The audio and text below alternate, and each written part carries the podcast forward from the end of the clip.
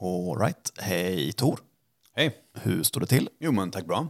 Det är bra. Jag är koffeinerad och har eh, fått juice och frukost. Fått strikta order om att inte äta mer kaka nu på en liten stund bara. Ja, Vi är i Stockholm. det är vi. Körde upp igår. Yes. Var är vi någonstans? Vi är på Ritz. Vi är på Ritz. Ja, det är vi. Wow. Mm. Tack Ja, till bli- Studio Ritz. Ja, blivit bjudna. Det är ändå fint. Det tycker jag vi förtjänar. Det tycker jag också. Ehm, vi har åkt till Stockholm. Vi ska spela en jättemycket podd. Och eh, först ut är vår absoluta favoritgäst. Hej Fanny. Hej hej. Hur är det med dig? Jo men det är okej. Det är acceptabelt. Vad är bäst och vad är sämst? jag vet inte, jag känner, är, man har någon slags eh, allomslutande känsla av att allting eh, håller på att gå åt helvete och eh, det finns väldigt lite man kan göra åt saken. Det tycker jag, det plågar mig väldigt mycket. Tror du att ditt, Eh, har ditt föräldraskap förändrat din syn på jordens oundvikliga undergång? Alltså både eh, till det bättre och till det sämre. Att det kan ändå vara, alltså jag tänker ju inte att jorden kommer gå under liksom, eller, jag tänk, eller det känns som att livet går vidare på ett sätt. Men eh, det är ju också tufft att känna liksom att mitt barn, alltså precis som jag har fått det sämre än mina föräldrar, så kommer mitt barn få det sämre än vad, än vad jag har det liksom. Men jag försöker att tänka att eh, det kan, det också kommer vara möjligt att liksom ha ett bra liv även i framtiden och att det kan hända bra saker. alltså, man, jag tänker att det är lätt att liksom hamna i den här hopplösheten. Men jag vet inte hur motiverat det är. Jag, vet inte. jag läste Alf eh, Hornborg och då skrev han en jättekort i eh, en, en eh, det är han är så här teknik, eh, ja, men, teknikpessimist typ. Han skriver om så här att eh, modern teknik egentligen bara är ett sätt att fördela om resurser från eh, liksom fattigare delar av världen eller från periferin till centrum liksom. Eh, och då skrev han så här en samhällskollaps behöver kanske inte vara så katastrofalt för eh, liksom folket eh, som man ofta liksom tänker sig. Och det har jag hakat upp mig jättemycket på. Det tänker jag ofta på. Att det kan komma någonting gott ur det också? Ehm, ja, men kanske. Att det kanske inte behöver vara, alltså, bara för att allt det man nu räknar med att ta för självklart inte finns, att det, att det finns också andra sätt att leva ehm, och bygga samhällen liksom. Eh, och att, det, att eh, det kanske är svårt att se när man lever liksom, i det som vi har idag och bara ser hur allting som har varit bra i liksom, vårt samhälle försvinner. Ehm, det betyder inte att det här samhället är någonting liksom som vi måste försvara eller som är gott liksom, eller ja, jag vet inte. Jag är alltid glad när någon eh, vågar vara teknikpessimist. Ja. Det känns som att det är lite så eh, eh, tabubelagt. Ja, och det var faktiskt underbart att läsa honom. Alltså, det var så, han har skrivit en essäsamling som heter Myten om maskinen och det var verkligen en så bladvändare. alltså, alltså låg i sängen alldeles för sent bara för att säga vad, vad kommer hända nu? Va, eh, men jätteintressant och jag tänker jag men att man är väldigt så här, inkörd i det här liksom, teknik, ehm, eh, alltså i alla liksom, politiska sfärer är man väldigt inkörd i det här teknikoptimistiska spåret och att det har ju synts väldigt mycket just i klimatdebatten. Ja, men det som vi har att erbjuda är att så här, bara, ja, men snart kommer vi ha elbilar, liksom. eh, eller snart kommer vi, allting gå på el. Och det kommer vara så bra, men att man liksom ser att men vad, vad kommer det här egentligen kosta? Liksom samhället och vad, liksom vilka, vilken mer natur kommer vi behöva förstöra och exploatera? Så här, varifrån ska alla de här resurserna komma? Det är ju verkligen någonting jag tänker man måste träda ur liksom, för att ja, men, någon slags förändring ska vara möjlig. Liksom. Precis. Om, om det enda alternativet man har, eller enda liksom lösningen är så här, vi kör mer, mer av samma, då eh, kommer vi liksom inte komma någon vart. Ja, precis. Ja, men han, och han adresserar också verkligen det. Att bara så här, men det är ju, ehm, ja, men just den här teknik, liksom fetischismen, eller vad man ska säga, att det är, alltså är liksom vår tids stora ja, men, tro som vi har. Och så här, hur vi ska lösa samhällets alla problem och sådär. Ja, men det var skönt att läsa lite kritik av det. Men också att jag kände att det satte käppar i hjulet för mitt, eh, min förmåga att fungera som en normal människa i samhället på ett väldigt tydligt sätt. Det störigaste med tekniken som religion tycker jag är att det har gjort en massa sådana störiga muskkillar till profeter. Ja, det är helt otroligt. Det känns så himla orättvist. Men hur är det möjligt? Jag, för det är verkligen, jag förstår liksom inte hur man kan tro att det här... Och jag undrar om det är liksom om folk egentligen tror det. Man bara klamrar sig fast vid den världsbild som man har kört på och som liksom ger en någon slags hopp för att allt annat känns jävla omöjligt. Mm, att det inte är så logiskt, men att det känns bra. Att jag hoppas att, att Musk Ja, kommer att jo, fixa men det här. precis. Ja. Jag vet inte. Ja, tror du verkligen det? Jag tror typ inte det.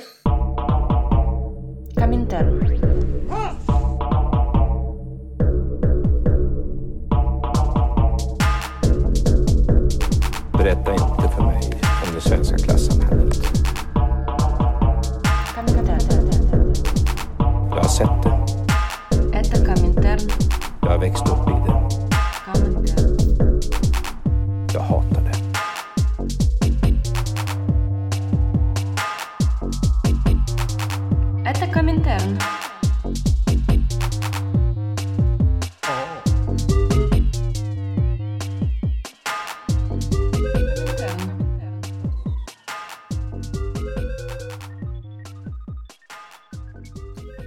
Eh, jag ska säga tre saker. Först ska jag be om ursäkt för, min, för att jag i ljuset av att vi har haft en klimatdiskussion i köket här formulerade som jordens oundvikliga undergång. Det var ju taskigt och fel. Naturligtvis ska vi kämpa med näbbar och klor för att undvika den. Sen ska jag säga att vi tror att det ekar lite här på fina Studio Ritz, så det ber vi om ursäkt för. Och sen ska jag säga att det här är podcasten Komintern. Bra, det är bra. Jag älskar att vi bara körde rätt in i så här ett eh, hej hej, välkommen hit, doom and gloom bara från start. Ja. Men vi ska inte ens prata om det här. Det är liksom inte, vi ska inte prata om, ehm, eller tanken är ju inte att vi ska prata om eh, klimatförnekelse på, i breda lager, utan vi ska prata om något helt annat. Det ska vi göra, men vi ska prata lite om teknik och undergång och sånt där. Ändå, tänker jag. Eh, vi ska ta lite avstamp i en text som du har skrivit i Flamman, Fanny. Vad, vad heter den? Eh, avskaffandet av faderskapet. Ja, provokativ titel. Ja, ja precis. Jag tänker det, det är väl den liksom, eh, feministiska fråga som jag har varit mest eh, ja, men, engagerad i på sista tiden. Och det är ju för att eh, jag har fått ett barn och man tänker på det som man har liksom, eh, nära sig. Men det, det är en text som handlar lite om teknologins möjligheter.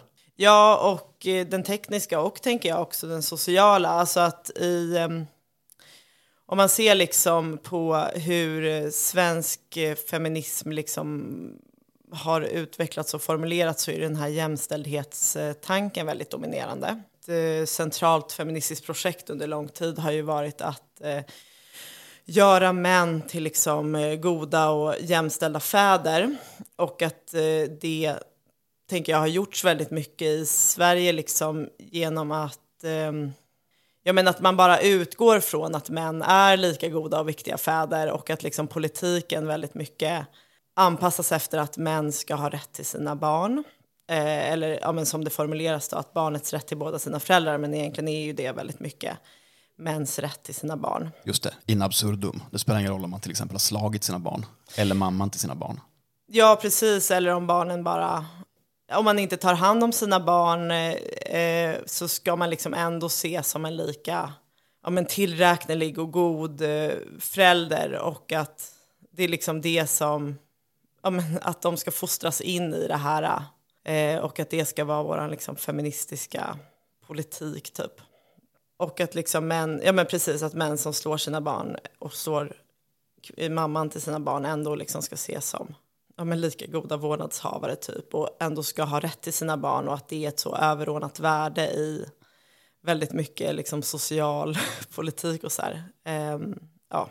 Och också någonting som har, eh, jag vet inte någon bra översättning för weaponized. Hur används som ett, eh, liksom, som ett eh, vapen av eh, papparättsrörelsen och hela den antifeministiska liksom, eh, Ja, och att eh, där finns det ju väldigt mycket teorier kring liksom, ja men att det är mammor som typ hindrar pappor från att vara goda föräldrar och att på det sättet så blir det liksom de här kvinnorna som försöker skydda sina barn eh, mot eh, ja men, deras pappas liksom våld eller så här, som är liksom blir det feministiska problemet så att säga, att det är de som blir hindret för det goda faderskapet som man liksom har som någon slags här överordnat mål i allt det här. Mm.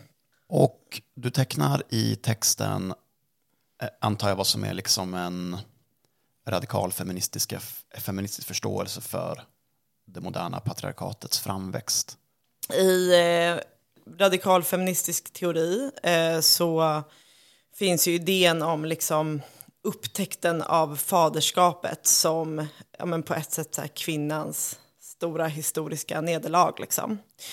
Eh, och Eh, det som man brukar liksom peka på är väl att så här, ja, men, tidigare i mänsklighetens historia så har ja, men det här med liksom barnafödande och så, det har kanske inte sett som någonting som man liksom kan kontrollera eller eh, ja, men som ett mysterium. Liksom. Men sen när män, alltså att väldigt mycket av mäns förtryck av kvinnor handlar liksom om att kontrollera eh, reproduktionen på olika sätt.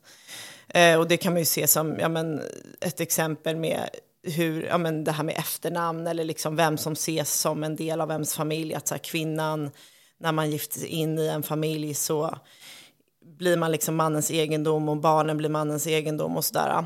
Ja men det här liksom eh, faderskap i väldigt hög utsträckning är ett sätt att liksom för män att kontrollera eh, kvinnans liksom reproduktiva eh, förmåga och att de institutioner som liksom uppstår kring faderskapet är ja, men att liksom lägga beslag på den här kraften eller liksom den reproduktiva förmågan. Och det kan man också se som eh, ja, men ett eh, exempel som eh, jag har stött på i, ja, men när jag läst om det här, eller som kommer upp ofta, är det här med Zeus. Eh, att liksom när den så här patriarkala världsbilden ska eh, ja, men liksom göras till en del av det allmänna medvetandet eller religionen, då liksom beskrivs mannen in som skaparen av liv.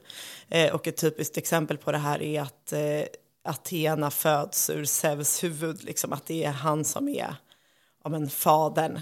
Ehm, och att det är den enda far som behövs. Och också i den bibel, bli- bibliska skapelseberättelsen så är det ju här väldigt tydligt liksom att ja, men Gud skapar mannen och sen så skapar Gud kvinnan ur mannen liksom och att det är ja, men, mannen som är liksom den ursprungliga fadern eller liksom livskaparen på något sätt. Det känns så himla forcerat. Ja, precis. Och, eh, men Valerie Solana skriver ju om det här att liksom, det är inte mannen som, eller det är inte kvinnan som lider av penisavund, som ju Freud, eh, var Freuds teori liksom. Utan det är mannen som lider av fittavund och det kan man se liksom genom mannens anspråk på att vara den ja, men, livgivande kraften i samhället liksom. Man kan se liksom historiskt att det här har varit ett ja, men, centralt eh, projekt i eh, att skapa den här bilden av liksom mannen som eh, livgivaren, helt enkelt. Lex August Strindberg när han runkade ett akvarium för att, liksom, eh, för, för att bevisa att eh, män kunde skapa liv helt på egen hand. Gjorde han? Ja, Hur gick det och då? kanske en 70% killgissning. Alltså det låg bara lite Sagge och flöt i ett akvarium någonstans. Det var inte mer med det. Ja. Usch, vilken vedervärdig tanke. Ja. Ja, Okej, men så den liksom patriarkala kontrollen över reproduktionen skulle man då kunna säga existerade någon slags mer eller mindre obruten linje sedan Alltså jag vet inte hur länge tillbaka, men att det har varit liksom, alltså att det har varit ett centralt patriarkalt projekt helt enkelt. Ja, men sen jättelänge. Alltså Aristoteles är ju också en så liksom, känd person som man brukar ta upp eh, som att han hade väl, han hade ju idéer liksom om att kvinnan bara är eh, ett kärl liksom för mannens säd och att det är liksom mannens säd som är den så här egentliga, det är därifrån allting kommer och att kvinnan bara är liksom en passiv behållare. Just det, som den aktiva spermien och det passiva ägget. Ja, precis. Och det här ser man ju tydligt i liksom så här debatten kring liksom surrogatmödraskap och så vidare. Att där pratar man ju verkligen om ja, men livmodern som så här, det här är någonting liksom vi hyr ut. Ehm, det här, alltså någonting som liksom kan separeras från ja, men kvinnokroppen i liksom, ja, men hur vi pratar om det eller så här. ehm, så är ju liksom, eh, där blir ju verkligen det patriarkala språket väldigt tydligt i att liksom livet är någonting som kommer inte från liksom den här kvinnan som bär barnet utan att det är någonting som vi liksom kan separera från, alltså i alla fall på liksom ett slags teoretiskt plan, från den här processen. Liksom. Och så har jag kollat lite på, det finns ju en eh, feministisk eh, teoretiker som heter Shulamit Firestone som har skrivit eh, om just eh, automatiserat barnafödande där hon ser det som liksom, ja, men, någonting utopiskt. Eh, att så här, det här är någonting som skulle kunna befria kvinnor från liksom barnafödandets våndor eh, och att det liksom i sig skulle vara en feministisk ja, men vinst. Liksom. Eh, och det här är någonting som i liksom, den feministiska teorin också har fått kritik för att, att, jag menar, att hon liksom blir en del av det här liksom, frånskiljandet eh, av eh, jag menar, att hon tänker att tekniken liksom ska kunna eh, rädda kvinnan och att det blir liksom en del av att då ska kvinnan bli som en slags man i liksom, eh, om en, en samhällelig bemärkelse. Att när hon är befriad från liksom, det reproduktiva oket, då så kan hon, först då så kan hon ta sin plats som att liksom kvinnor på det sättet också fråntas det som är det specifikt kvinnliga, alltså förmågan att liksom skapa liv. Ehm, men hon pekar ju också på liksom att för att det här ska vara en, alltså någonting utopiskt, för att det ska finnas något uto- utopiskt i det här så måste ju kvinnor inte bara kontrollera, alltså det handlar inte bara om att kvinnor ska eh, befrias från barnafödandets ok, utan också att kvinnor ska liksom kontrollera de institutioner som finns kring att skaffa barn och barnafödande och så vidare i vårt samhälle. Eh, För det tycker jag, det uppskattar jag väldigt mycket med din text, att den är ju eh, långt ifrån blint teknikoptimistisk. Alltså den har en förståelse för att teknik inte är någonting neutralt och att det kommer användas av den för närvarande härskande klassen.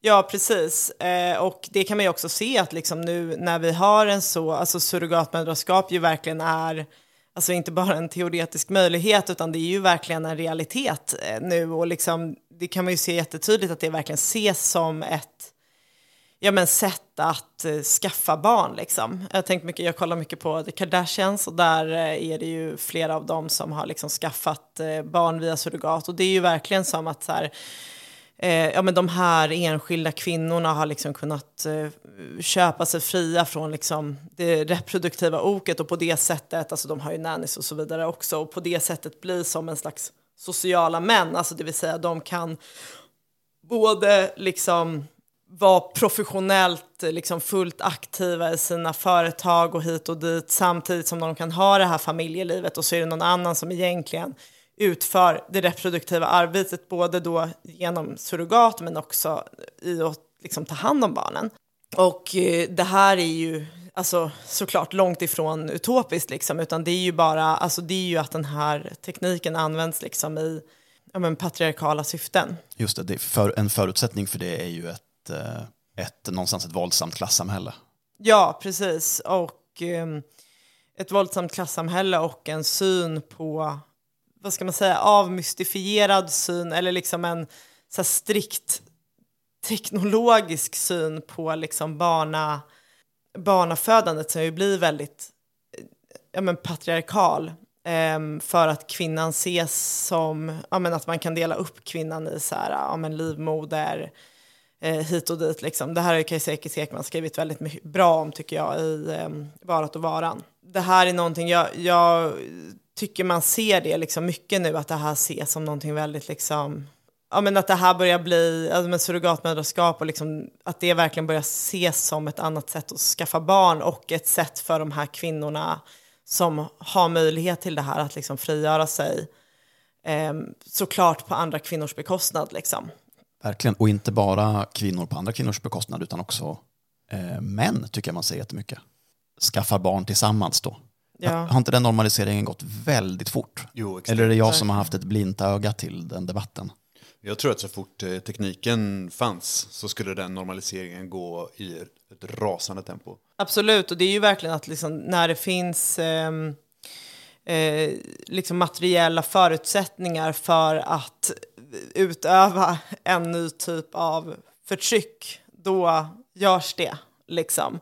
Och det är ju verkligen, eh, och det här, ja men det juridiska, eller jag, jag tänker väldigt mycket på liksom surrogatmödraskap som en, ja men som en strid som vi dömde att förlora helt enkelt för att den tekniska utvecklingen, så fort den möjliggör det här så kommer det att ske för att det är en central del av liksom vår samhällssyn att alltså det blir bara det nästa logiska liksom att eh, vi kan inte hålla någonting för he- vi kan inte hålla det här för heligt längre. Så fort det finns de här tekniska möjligheterna att utföra det här så kommer liksom allt det heliga kring ja, men liksom moderskap och så vidare att eh, ja, men ifrågasättas och liksom erodera. Och det kan man ju Alltså, man använder ju också liksom feministiska, alltså, eller semifeministiska argument för att liksom motivera eh, den här jättebrutala exploateringen liksom, av kvinnor. Ehm, Ja, och nu minns jag inte exakt, men du har något exempel i texten om någon som har skaffat så 23 barn via surrogat eller någonting. ja, och typ siktar på 104 eller något. Ja, men vad fan. Eh, ja, och jag tänker att där är det ju verkligen liksom, ja men ehm, eh, det var någon så här influencer jag hamnade på som hade helt sjukt många barn och då är det någon så här ung tjej som har Ehm, en jätterik man eh, och eh, så har väl han liksom bekostat, ja men han bekostar väl nannies och han bekostar eh, liksom de här surrogaten då såklart och så vidare. Och då blir det, alltså han har ju, det är ju bara ett sätt för honom att ha ett harem liksom. Eh, att så här, han har sin snygga fräscha fru som inte har behövt, liksom hennes kropp har inte behövt förändras av liksom eh, barnafödande och liksom hon har fortfarande tid för honom för det är nanny som tar hand om barnen och så har han liksom ja men det blir ju verkligen som ett slags så professionellt harem liksom att man har så här, ja, men kvinnorna som föder barn, eh, kvinnorna som tar hand om barnen liksom. Och så kan han ha allting via den här eh, kvinnan som blir liksom hans typ medbeställare av de här tjänsterna liksom. Ska börja fila på någon sån eh, om, eh, omformulering av Bakunin. Socialism utan frihet är bara eh, förtryck och övervakning och, Kärlek utan kyssar. och frihet utan socialism är barbari och förtryck. Att, eh, Feminism utan socialism är ju, alltså det är ett sånt extremt jävla barbari. Blir Helt, då, då, jag vet inte ens om man kan säga att det här är feminism från början, men om man inte har liksom en, någon sorts klassanalys så blir det ju bara, jag vet inte vem det är som brukar säga det, men att, att när man når över en viss eh, typ av rikedom, alltså när man slår över taket någonstans, så, så lever man i full kommunism. Därför att allting relativt blir så billigt att det är så gott som gratis. Det gör liksom ingen skillnad. Det finns någonting där i att den, den rikaste procenten lever i den fulla kommunismen och den rikaste procenten av kvinnor lever som män. Ja, ja men precis så är det ju verkligen, eller så blir det ju verkligen.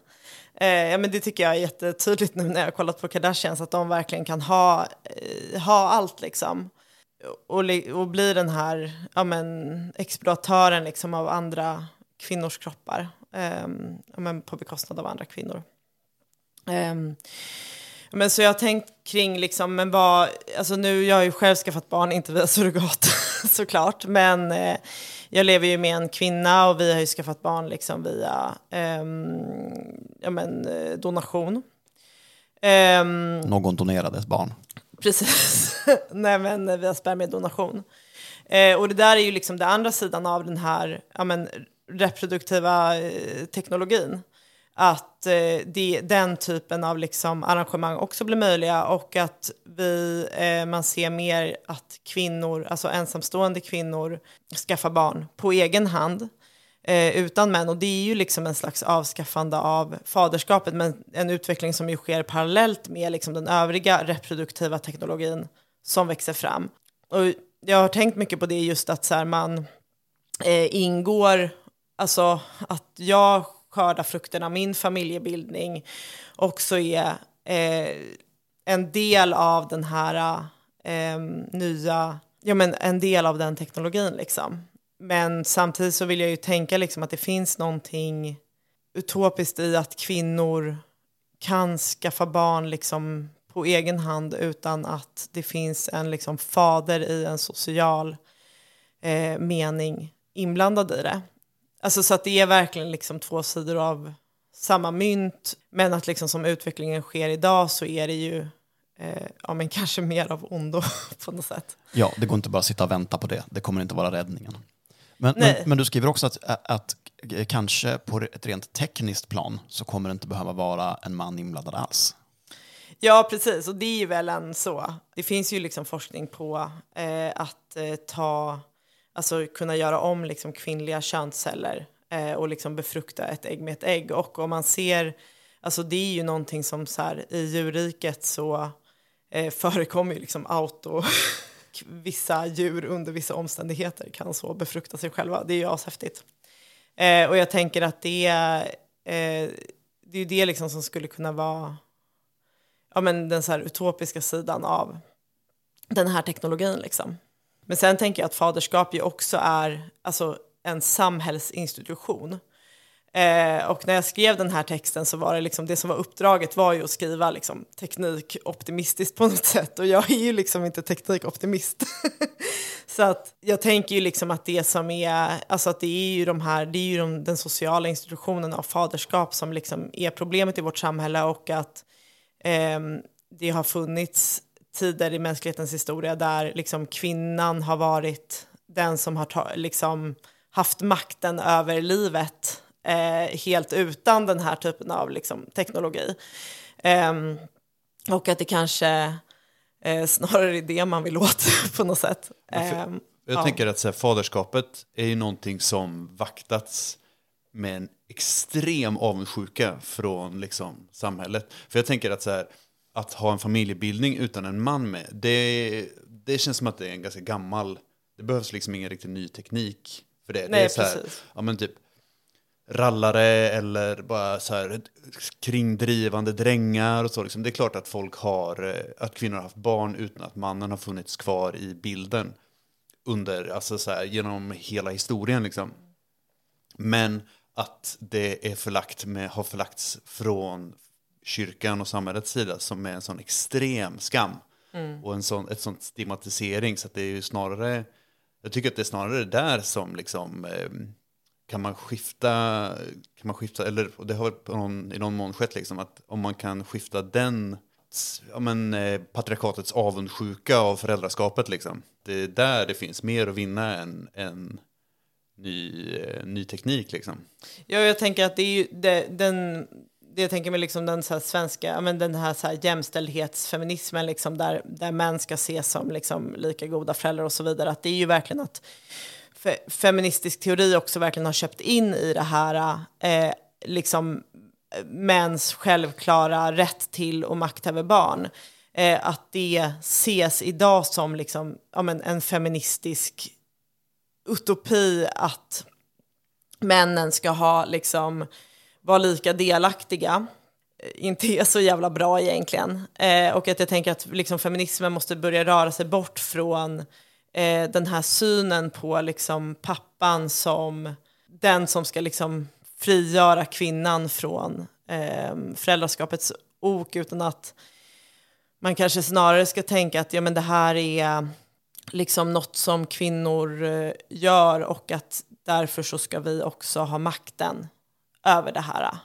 Det skulle jag önska eh, att man kunde ha ett mer sånt liksom, feministiskt perspektiv eh, snarare än det här ja, men jämställdhetstänket liksom. Ehm, Det har ju verkligen gått så där, om man får säga så. det har det verkligen. Alltså, ja. Jag brukar ibland med andra killar i min kamratkrets ägna mig åt det mycket, mycket sorgliga tankeexperimentet som är så, hur många bra fäder har du haft i din närhet? Man behöver inte vara så personlig att man tänker på sin egen, men hur många kompisar har du som har haft en jättebra pappa? Eller ännu värre, hur många kompisar har du som är en väldigt bra pappa? Och eh, oftast eh, kommer man till deprimerande slutsatser. Ja, eh, men så är det ju verkligen. Och jag tänker att liksom, jag tänker absolut att pappor kan vara bra. Eh, eller att det finns liksom bra fäder. Men att eh, idén om att vi ska liksom tvinga fram det från pappor som kanske i själva verket inte är så jävla intresserade eh, av att vara bra pappor. Eh, att den är, ja men att det är mycket det som blir eh, problemet. Pappor har egentligen, alltså så som det liksom moderna faderskapet är utformat där, det är väldigt så, alltså att om du är eh, biologisk far till ett barn så har du den här självklara rättigheten och att liksom pappor som ja, men inte har engagerat sig i sina barn alls ändå ska ha liksom rätt att bestämma över dem. Det är ju bara det här med, det är ju bara en ny flagga eh, för liksom mannens kontroll över kvinnan och barnen. Eh, jag minns inte vad du, vilket begrepp du använder i texten, men du, du skriver om det som att eh, det skulle vara annorlunda om det inte vore en rättighet, utan snarare någonting som måste förtjänas eller erövras. Eller, förstår du vad, vad jag menar? Ja, absolut. Jag tänker att eh, om män liksom skulle, om det inte skulle ses som en rättighet på det sättet, utan att det snarare, alltså att, att män skulle liksom tvingas till att göra sig nyttiga i liksom familjen, för kvinnan och för barnet, att det skulle vara, alltså det tänker jag skulle vara en mera eh, ja, men framkomlig väg än som det ses idag, att liksom pappan är självklar eh, alldeles oavsett eh, hur han är eller vad han gör och så vidare. Eh, och jag tänker just att den här utvecklingen där liksom kvinnor börjar skaffa mer eh, barn på egen hand och nu liksom är ju det så att säga sanktionerat av samhället att det är någonting man kan göra, alltså du kan få den reproduktiva hjälpen eh, eller vården eller vad man nu ska kalla det eh, på landstingets bekostnad. Du kan liksom, det här är någonting som är mer ja, men det här ses som eh, parallellt liksom med typ surrogatmödraskap och så här, men det här ses också som ett sätt att eh, som det är möjligt att skaffa barn på. Eh, och att jag tänker att det har verkligen en potential att eh, ja, men lyfta av väldigt mycket av stigmat från ensamstående eh, kvinnor eh, som jag tänker ju verkligen har varit ja, men, centralt att man liksom, det är så mycket, ja men som du pratade om innan, att det är ju snarare det, alltså det är inte det att det har varit tekniskt omöjligt eller praktiskt omöjligt att eh, bli mamma utan en närvarande far, utan det händer ju hela tiden liksom. Eh, det ser man ju, det finns ju hur många ensamstående mammor som helst oavsett om de har valt det eller om de inte har valt det, men det är liksom uppenbarligen så är det ju en praktisk möjlighet eftersom det finns så många män som inte är så intresserade liksom, av att ta hand om sina barn. Ehm, men att det är eh, förenat med ett så otroligt stort stigma för eh, kvinnor. Det finns ändå en ganska så stark eh, ja, men, rörelse nu för att man skulle kunna liksom bilda familj på ett annat sätt, att man kan bilda familj även utan män. Och det tror jag är verkligen vägen till liksom en sann jämställdhet, att kvinnor inte ska vara beroende av en man som eh, liksom är en jämställd man och liksom deltar i eh, uppfostran på ett gott sätt liksom, utan att kvinnor ska liksom ha sin egen makt och stå på egna ben och sen om det finns män som är liksom ja, men så här, intresserade av att vara där på ett meningsfullt sätt så kan de väl få vara det liksom. Men inte att det ska vara en självklar rättighet. Det är ju samma, det är samma kamp som att eh, kvinnor ska ha rätt att arbeta.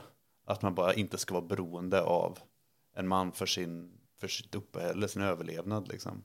Ja, precis. Och jag tänker att liksom, man ser ju, alltså i de som jag liksom känner som har skaffat barn då på egen hand, eh, att där för de kvinnorna brukar det vara lättare att liksom vara öppna mot samhället.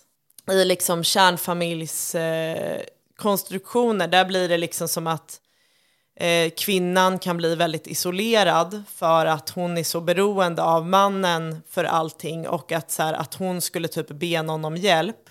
Det blir som ett hot mot hans liksom, auktoritet och Alltså, och det här handlar ju också om att man liksom vill skapa den här bilden av det jämställda liksom, paret, att det är väldigt i liksom, den feminism som vi har kring det här idag, att det är väldigt så, åh min man han är så duktig, han hjälper till, att man liksom vill skydda den här bilden av att liksom, vi är en jämställd, eh, bra familj, han är en bra far eh, och att det gör att man måste liksom som kvinna, om man inte då får det, vilket är väldigt vanligt, om man inte får det stöd man behöver i sin relation, att man då måste, att man då måste ändå skydda liksom ryktet eh, och att man måste liksom skapa den här bilden av jämställdhet och att det ju egentligen är ett sätt att, alltså det ses eh, jag tror att många feminister känner att liksom jag måste prestera en jämställd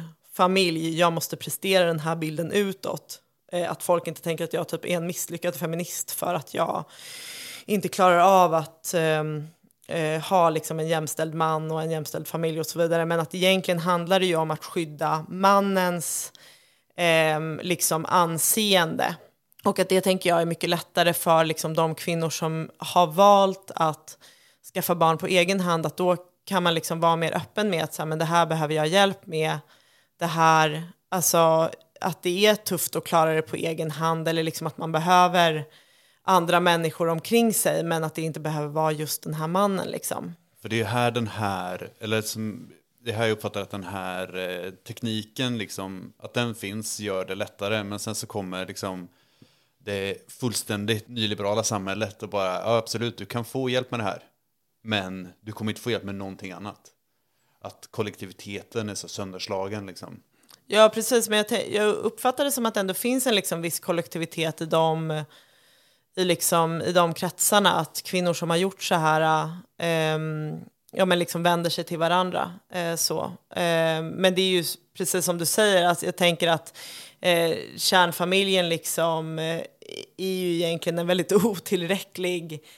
Alltså om man tänker på typ eh, alltså två människor är egentligen väldigt få för att ta hand om sitt barn liksom. Alltså även om det är två stycken liksom bra föräldrar, men att det är verkligen att Ja. det ändå är, det är verkligen otillräckligt liksom. Ja, men skitviktig poäng att slår man sönder den, eh, den tvåsamhetsfamiljen på det sättet så öppnar ju det för att menar, i vår eh, kommunistiska utopi så hoppas jag att det kommer kunna finnas män i gemenskapen också.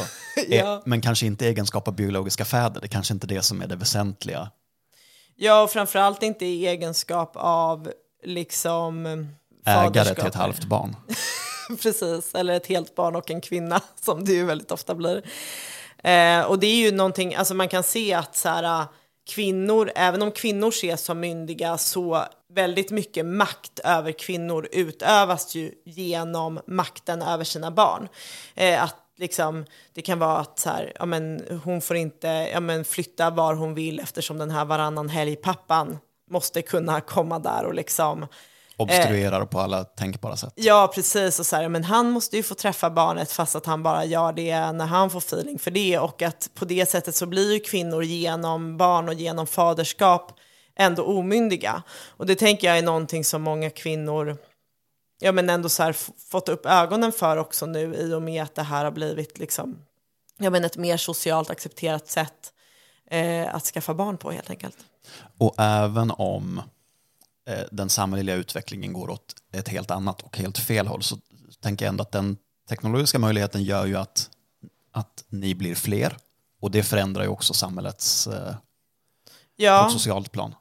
Ja, det tänker jag. Jo, men jag tänker det och jag tänker att liksom kärnfamiljen ändå på något sätt är i någon slags upplösning och det är någonting man har kunnat se i hela den här typ, ja, men incel-debatten. Alltså jag tycker att det har varit jätteintressant att liksom följa det, alltså just det här med att så många män, alltså jag tänker att liksom incelrörelsen också på något sätt är att män ser sin egen överflödighet eh, och sen reagerar man ju såklart på det genom att få panik och tänka liksom att men kvinnor måste tycka att vi är nödvändiga och inte genom att liksom faktiskt göra sig nödvändiga eller bidra till någonting. Eller Eh. ens lite sympatiska. Ja, det var precis. Ehm, nej men jag tänker att det, det skrämmer många män att liksom så kvinnor eh, socia- alltså klarar sig ja, men, på egen hand. Liksom. Ehm, och att det här, eh, ja men den liksom, reproduktionsteknologi är ju en del av det så att säga. Och man kan ju förstå liksom att män tycker att det är eh, ett bekymmer. Och jag tänker att det också är på vissa sätt en legitim ja, men oro liksom att så här, inte få vara en del av att liksom män har ju lärt sig att så här, men det här är det ni har rätt till. Ni har rätt till en kvinna, ni har rätt till en familj och liksom vara det här överhuvudet och att det är så vårt liksom, eh, samhälle har varit uppbyggt nu under en väldigt lång tid och att det ses som en självklarhet eh, för många män att det här, ja men att man har rätt till det här liksom. Eh, Ja, men det är de facto en rättighet som har tagits ifrån dem. ja, ja men precis. På goda grunder naturligtvis, men eh, Men Men alltså jag vill också, jag är alltid på något sätt skeptisk till, jag tror, inte, jag tror att det här är en, en väldigt modern, en, en väldigt modern bild. Att så här, var du, alltså så här, jobbade du typ som på 1800-talet som flottare, rallare, var allmän kringstrykare liksom. Det var inte alls säkert att du skulle, att du skulle kunna bilda en familj. Utan det var mycket möjligt att du kunde dra runt på olika kalhyggen i, i Mellansverige liksom. Och bara, ja men eh, typ, ja, men, kanske få, få till en dans om du, om du hade tur liksom. Nej, eh, det tänker jag också att det är väldigt, alltså att man ser det som, men, det- men det är ju, tänker jag, typiskt för all så här, ja men typ konservativ eh, politisk liksom strömning, att man är väldigt, eh, har en väldigt tendens att liksom se typ så här hur det var i USA på 50-talet, att liksom det är det som är så här, det naturliga tillståndet för människan. Eh, och så är det ju självklart inte. Ehm, jag tänkte, jag- läste om, ehm, alltså det här med, man pratar ju om att så här, å, åldern för, snittåldern för första barnet, den går bara upp och upp och så här, och det är ju någonting som man brukar prata om som ett liksom, samhällsproblem, att vi skaffar barn allt senare, jada jada. Men egentligen så liksom, om man ser, alltså på 70-talet, eh, då peak, alltså då var eh, liksom åldern där man fick sitt första barn historiskt låg. Liksom. Eh, och att så här, det här är någonting, eh, sen är det ju klart att så här, med liksom, teknologi och så vidare och att det blir lättare och lättare att skaffa barn i högre åldrar, att det är liksom, vi skaffar nog barn senare än vad vi har gjort eh, tidigare historiskt idag, i alla fall typ i storstäder och så vidare där man har tillgång till den här teknologin, men att det är absolut inget liksom naturtillstånd att så här, alla ska skaffa barn som så här, i sina tidiga 20 eh, och typ eh, bo i en eh, villa och eh, men liksom ha allt det här ja, men som typ ett gott familjeliv eh, innebär, utan att det är snarare en historisk parentes. Men det tänker jag är jättetypiskt för typ hur vi överhuvudtaget ser på eh, samhället att så här, allt det här, det här välståndet eh, som liksom har funnits ja, men typ, de senaste ja, men 50 åren som har varit jätte, alltså ju verkligen har byggt på typ så här att eh, vi har haft tillgång till jättebillig energi eh, som i oljan att liksom, och att vi har haft tillgång till så här att ja, men globaliseringen och att kunna exploatera andra delar av världen och så vidare, att det ses som så här, det här är liksom den självklara typ baslinjen eh, som vårt samhälle utgår från och det som alla ska ha liksom. Det är också väldigt tydligt att det hänger ihop med produktions... Eh, produktionsförutsättningarna.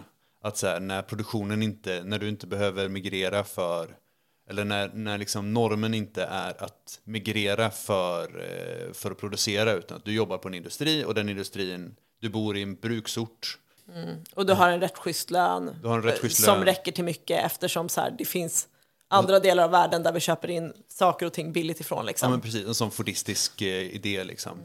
Och, då, och då kan du helt plötsligt liksom stadga dig och då blir det en norm liksom. Men så fort du måste migrera för att kunna producera så är det att du plockar bär eller att du jobbar, på, jobbar i skogen eller något annat liksom, som kräver att du flyttar runt hela tiden.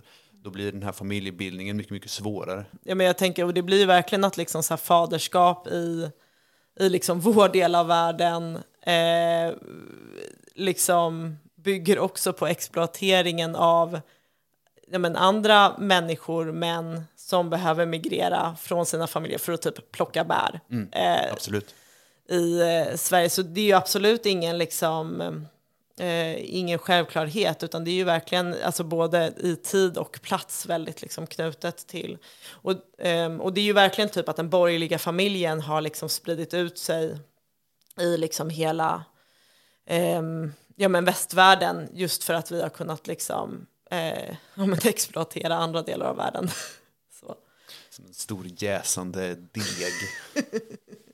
Ja, men eh, jag tänker att det är verkligen, alltså överhuvudtaget hela liksom frågan om så här reproduktion och liksom hur vi ska eh, men, göra med, ja men hur vi ska liksom lägga upp allt det här, att det är ju liksom eh, en av samhällets stora ödesfrågor liksom. Och det är ju därför feministisk eh, teori är så intressant. Men jag tycker att det perspektivet ofta alltså, syns inte så mycket utan man har väldigt så här, reproduktionen är ju liksom en baslinje för allting för liksom hur samhället eh, men att samhället ska fungera liksom. Eh, och det är ju någonting som precis som eh, allting annat i samhället omformas efter liksom de eh, materiella förutsättningarna som finns. Och eh, ja, men de materiella förutsättningarna för faderskap är väl kanske inte så goda nu som de har varit, jag vet inte. Och det är ju därför eh, de här männen är frustrerade över det. Liksom. Eh, Jag har ju varit faderskapsskeptiker länge, men jag är övertygad. Ja. Orkar du gå in på din avslutning av texten? Eh, ja, Det här är bara början, ett faderlöst samhälle. Jag tänker att slagordet kommer vara på BB i Göteborg, det här är bara början. På BB i Malmö, det här är bara början. ur ett liksom brett feministiskt perspektiv om man ser liksom reproduktionen på samma sätt som man i marxistisk teori ser produktionen så liksom det självklara tycker jag slutsatsen är ju liksom att på samma sätt som eh, arbetarna ska ta kontroll över liksom reproduktionsmedlen och, eller produktionsmedlen och jordens resurser så borde liksom det feministiska stora projektet vara att ta makten över reproduktionen. Och det inbegriper ju dels liksom så här den reproduktiva teknologin men framförallt handlar det ju om de samhälleliga institutioner eh, som finns liksom kring eh, ja, men barnafödande och eh, barn, ja, men liksom barnfostran eller liksom omvårdnad av barn. Absolut, Ehm, det tänker jag är en, en konsekventhet som jag måste kräva av mina fellow marxistkillar.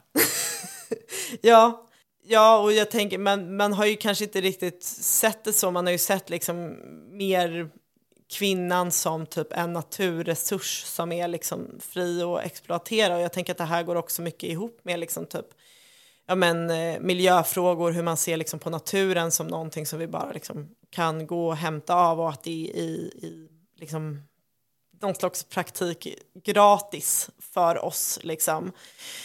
Men att man liksom ser på kvinnan och på reproduktionen som det här, ja men det bara finns där och det är liksom för oss att hämta nya människor, nya arbetare som liksom ska in i eh, produktionen. Eh, och jag tror liksom att, alltså för eh, ofta så hör man ju att så här, bara, nej men kvinnor, det skulle inte alls bli bättre om kvinnor eh, hade makten i vårt samhälle.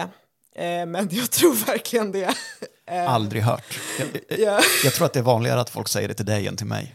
Ja, okej. Jo, men så, jo, men jag tycker att det är en ganska så här... ehm, folk är väldigt bra på att vara så här, bara, nej men det här... ehm, att liksom att män är sådana tyranner, det har bara att göra med att det råkar vara de som har makten i vårt samhälle. Men, men att jag tänker att man snarare ska se det som att hur vårt samhälle är utformat också beror väldigt mycket på människans reproduktiva, alltså i naturen, de reproduktiva villkor som vi lever under och mäns intresse av att liksom dominera och styra det här.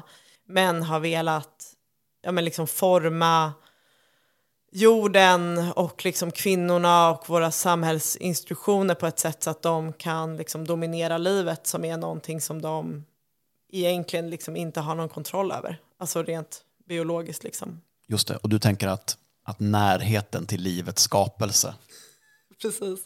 Jo, men jag tänker verkligen det. Ehm, jag tänker att, att kvinnor har så nära, alltså, och nu pratar jag inte bara om liksom kvinnor som har fött barn utan också att det är liksom en kollektiv kvinnlig erfarenhet av att så här, det här är någonting jag kan, jag kan göra med min kropp. Eh, det här är liksom att livet ja, men kommer ur mig. Liksom. Eh, att det är någonting som faktiskt eh, ja, men förändrar vårt sätt eller gör vårt sätt att se på samhället annorlunda liksom, i grunden.